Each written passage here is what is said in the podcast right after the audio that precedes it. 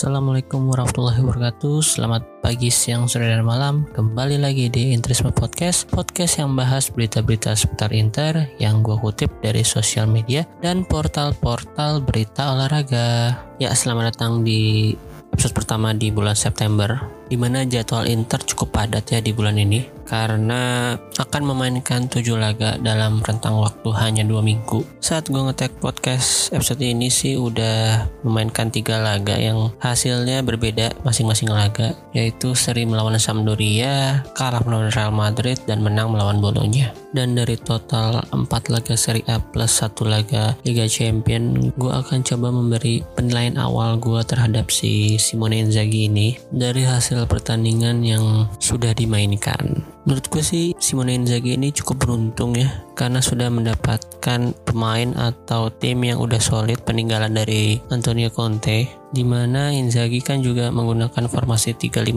flat sehingga para pemain juga udah mulai terbiasa dengan cara bermain menggunakan formasi tersebut. Kalau menurut gue sih dikit banget bedanya mungkin hanya saat defense itu intensitas pressnya kurang kalau Inzaghi beda dengan Conte. Tapi sebaliknya pada saat offense itu tuh bener-bener tinggi gitu intensitasnya sampai-sampai pemain CB kayak Milan Skriniar dan Alessandro Bastoni pun ikut sering ikut bantu menyerang tapi dengan cara begitu mungkin resikonya cukup tinggi karena kalau kehilangan bola langsung kena counter dan CB-nya akan cukup jauh turunnya gitu.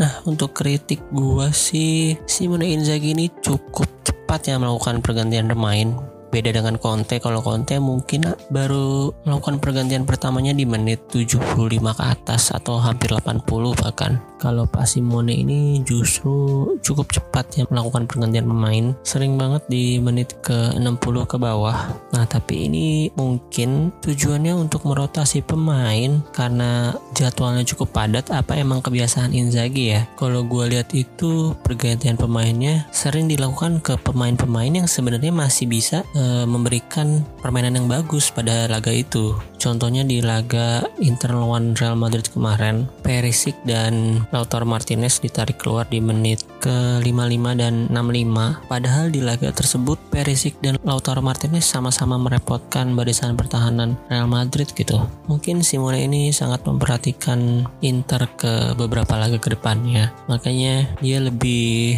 mementingkan kebugaran pemain daripada hasil pertandingan saat itu. Itu analisa gue aja ya. Atau mungkin karena Simone Inzaghi ini terlalu percaya dengan bench-bench player jadi dia menganggap pemain yang dimasukkan itu akan atau memiliki kapasitas yang sama dengan pemain yang digantikan keluar. Untuk beberapa case sebenarnya iya, cuman di pertandingan Sampdoria dan Real Madrid kemarin sih kayaknya beberapa pergantian pemain gua nilai kurang tepat ya. Kemudian untuk dari segi bola mati atau free kick atau dead ball, musim ini Inter sangat mengancam ya bola-bola free kicknya atau corner. Mungkin ini ada dua faktor ya. Pertama dari kapasitas di Marco dan Hakan Calhanoglu yang memang spesial di di bola mati atau memang pola free kicknya Simone Inzaghi memang bagus. Kalau untuk corner sih sejauh gue lihat Inzaghi selalu menginstruksikan pemain-pemainnya terutama yang tinggi itu untuk from the box ya.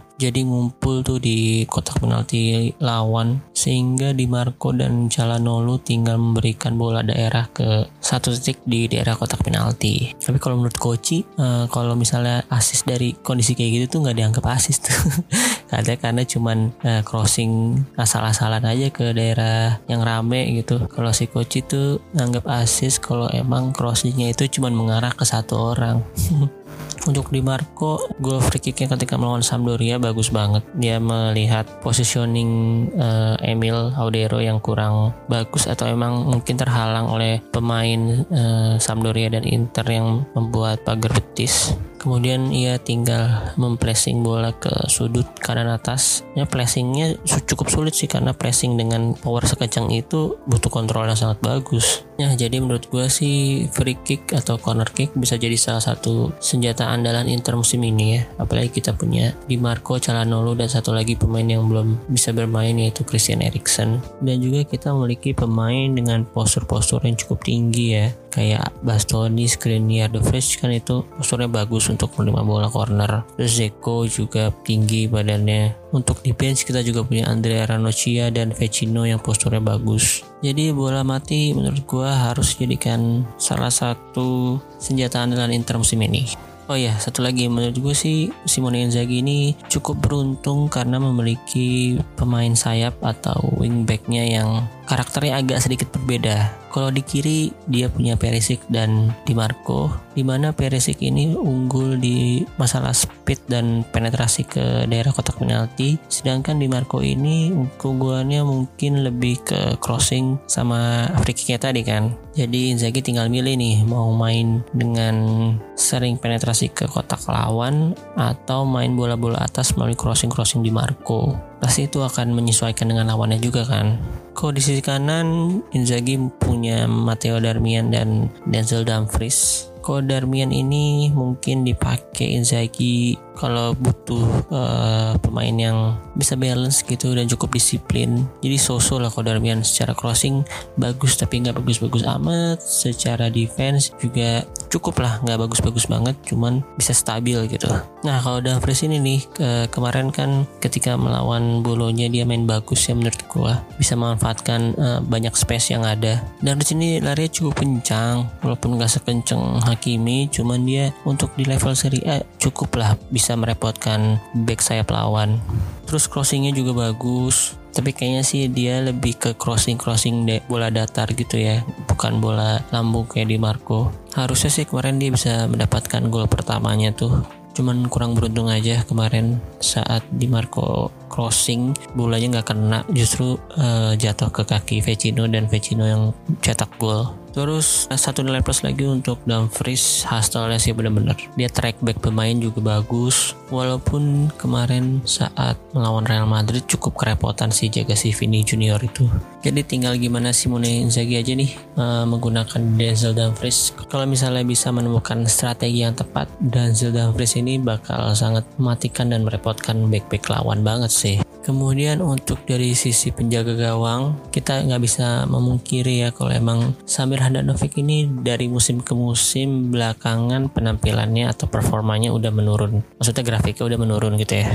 Menurut gue sih kalau musim kemarin dia bisa memiliki jumlah clean sheet yang sama dengan Donnarumma, faktor utamanya sih ada di back kita yang cukup rapih dan sangat disiplin ya. Skriniar, The Fridge, dan Bastoni itu salah satu alasan kenapa Handanovic nggak kebobolan banyak di musim kemarin. Nah di musim ini sejak dia bikin kesalahan di laga melawan Verona kemarin, kayaknya tuh dia sangat nervous gitu megang-megang bola di daerah gawangnya sendiri. Gak kayak biasanya, nggak kayak waktu di zaman Conte. Saat ini dia kelihatan agak-agak takut memberikan rezeki pas ke Brozovic atau ke Barella yang jemput bola. Mungkin masih trauma karena melakukan kesalahan pada saat melawan Hellas Verona. Jadi sekarang agak kurang nyaman gitu kalau melakukan build up pas dari bawah pertahanan sendiri. Terutama kalau lawannya juga racingnya cukup bagus kayak kemarin Sampdoria dan Hellas Verona kalau dari segi save juga kenapa ya? Hobi banget matung nih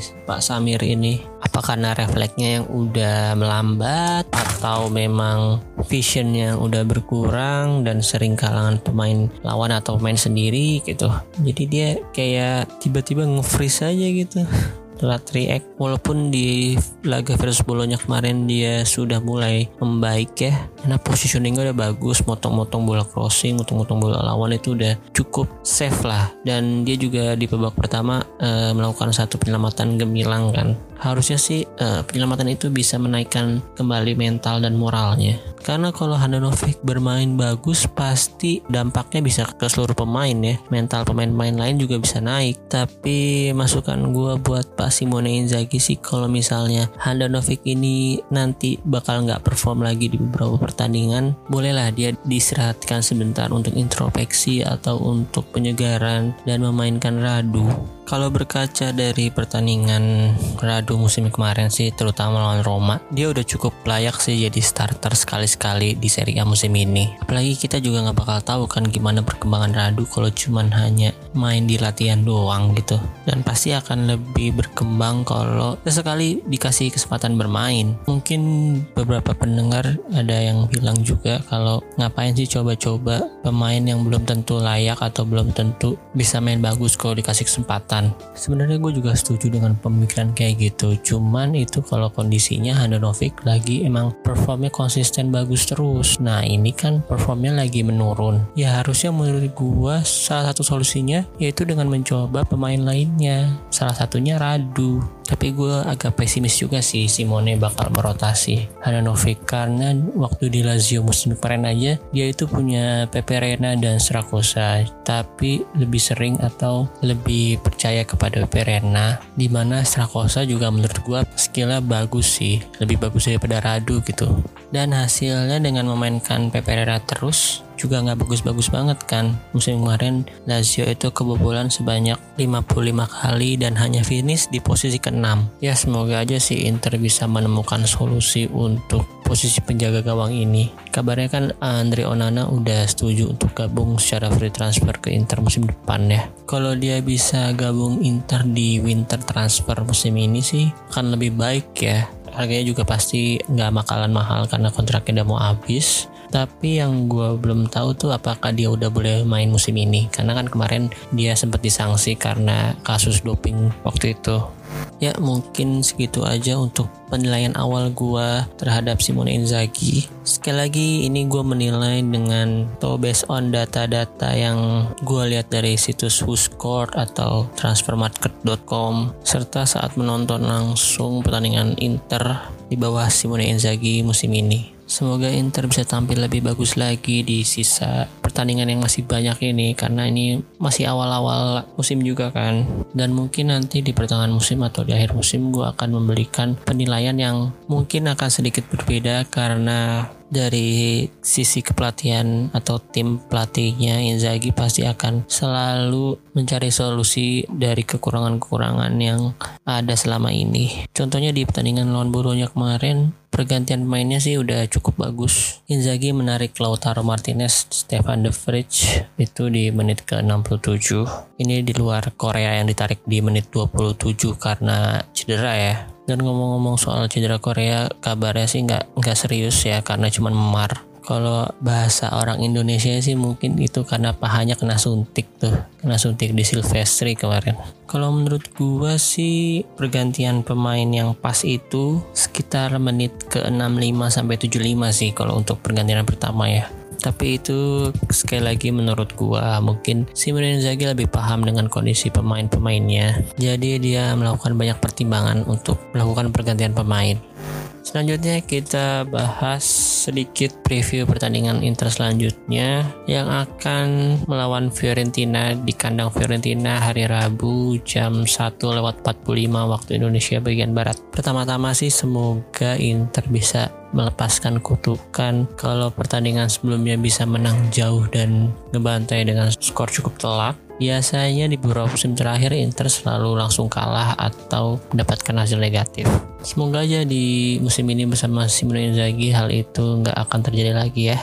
Untuk Fiorentina sih performnya lagi cukup bagus nih karena saat ini berada di posisi kelima klasmen sementara dengan poin 9 menang tiga kali kalah sekali kalahnya juga sama Roma yang notabene dengan masuknya Jose Mourinho ini penampilan Roma cukup bagus di awal-awal musim. Terus bahkan Fiorentina juga bisa menang lawan Atalanta. Di kandang Atalanta pula dengan skor 1-2 jadi gue harap sih Inzaghi nggak akan terlalu banyak merotasi pemainnya dan tetap menggunakan formasi yang sama ketika melawan Bolonya kemarin. Kalau mau masukin pemain lain mungkin Korea. Kalau memang belum pulih bolehlah tetap Seko yang starter atau atau Perisic main lebih dulu daripada Di Marco. Lalu untuk Dumfries sih semoga dia udah bisa menguji satu posisi utama di right wing back karena penampilan kemarin yang sangat impresif dan Vecino bolehlah main sekali lagi di starter karena Calhanoglu juga belum bisa menemukan performa terbaiknya lagi nih setelah kemarin lawan Real Madrid. Sebenarnya udah bagus sih cuman final passnya aja yang masih kurang. Padahal kan Calhanoglu ini yang diandalkan passing-passing sama shoot-shootnya itu kan. Saat lawan Madrid malah dia lebih bagus saat merebut bola. Semoga aja dengan mencadangkannya dia di tandingan bolonya kemarin bisa membuat dia semakin termotivasi untuk tampil bagus di setiap pertandingannya. Kalau prediksi sih karena si Fiorentina ini di pertandingan sebelum-sebelumnya cukup mendominasi possession, Inter akan lebih banyak bermain counter attack lagi kayak kemarin. Lebih bagus bermain efektif kayak kemarin kan daripada lawan Real Madrid di babak pertama itu menguasai jalannya pertandingan, banyak serangan, cuman kurang klinis di depan di penyelesaian akhirnya. Dan kalau mainin Davris sih pastinya bakal cukup matikan ya serangan balik Inter di sana ada Barella, Dumfries dan Lautaro Martinez yang memiliki kecepatan. Kalau bisa menjaga momentum kayak di pertandingan kemarin sih feeling gue Inter bisa menang lagi ya. Cuman kayak sih tetap belum akan clean sheet nih. Apalagi Fiorentina juga Dusan Vlovicnya lagi bagus. Terus punya Ricardo Saponara dan Giacomo Bonaventura juga yang cukup merepotkan di beberapa pertandingan prediksi skor sih 1-2 lah menang Inter gol cetak oleh Denzel Dumfries dan Barella Sekian untuk episode kali ini. Terima kasih untuk teman-teman yang udah mau mendengarkan hingga menit kesekian. Jangan lupa di share podcast ini ke teman-teman kalian yang interesti dan follow juga akun sosial medianya di Twitter ada di Interisme Media, di Instagram ada Interisme Podcast. Sekali lagi terima kasih. Arrivederci, Forza Inter.